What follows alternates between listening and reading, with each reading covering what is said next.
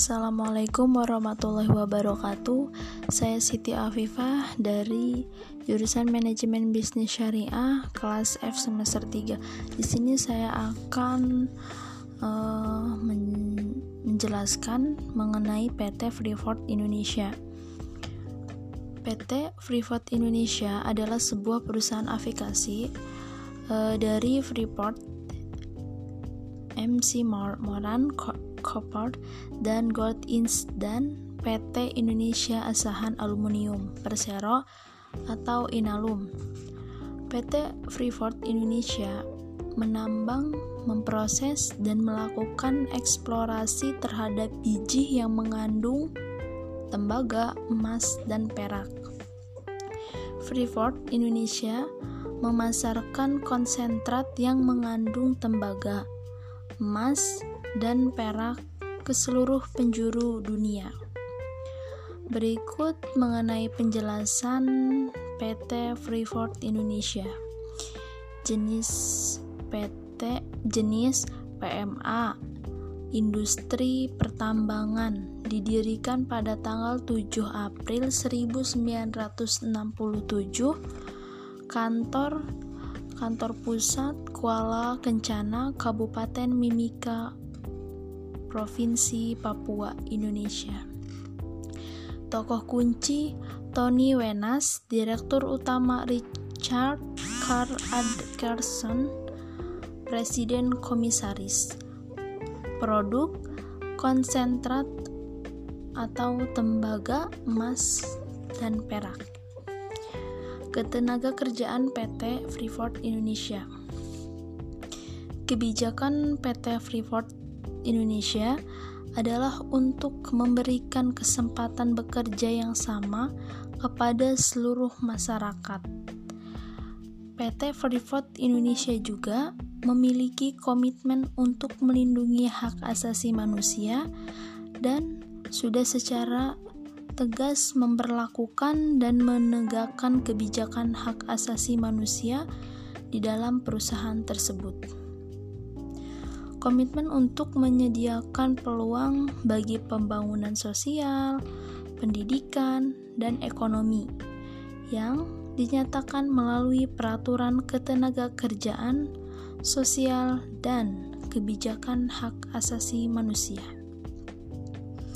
Pada tahun 2012, PT Freeport Indonesia mempekerjakan lebih dari 11.400 karyawan langsung dan lebih dari 12.400 karyawan kontraktor. Adapun manajemen lingkungan PT Freeport Indonesia. Semua industri termasuk pertambangan memiliki dampak lingkungan yang tidak dapat dihindari, baik dampak positif maupun dampak negatif.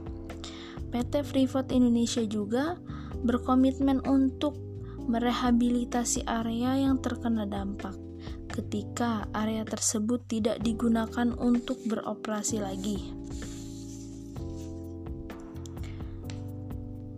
Adapun di dalam pandangan Islam mengenai e, pertambangan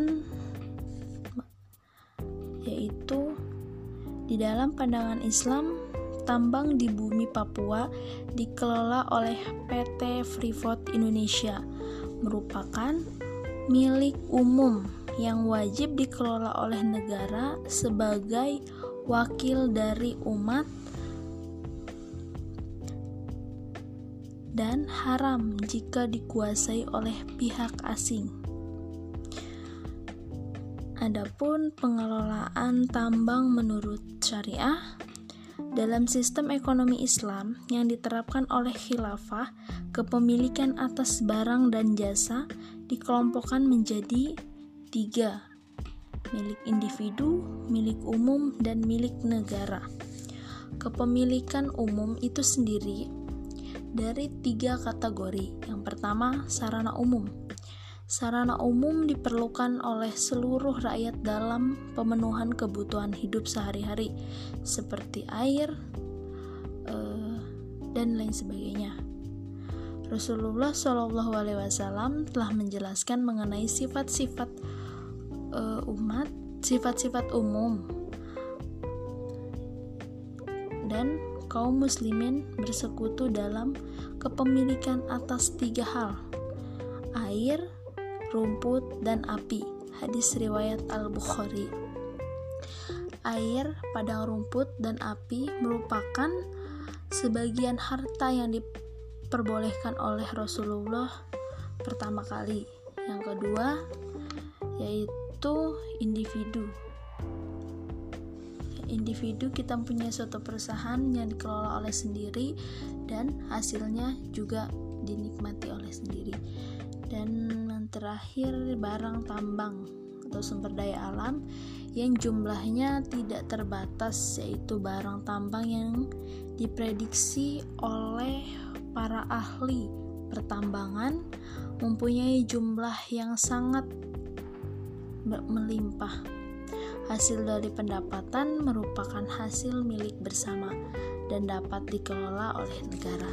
Sekian, wassalamualaikum warahmatullahi wabarakatuh.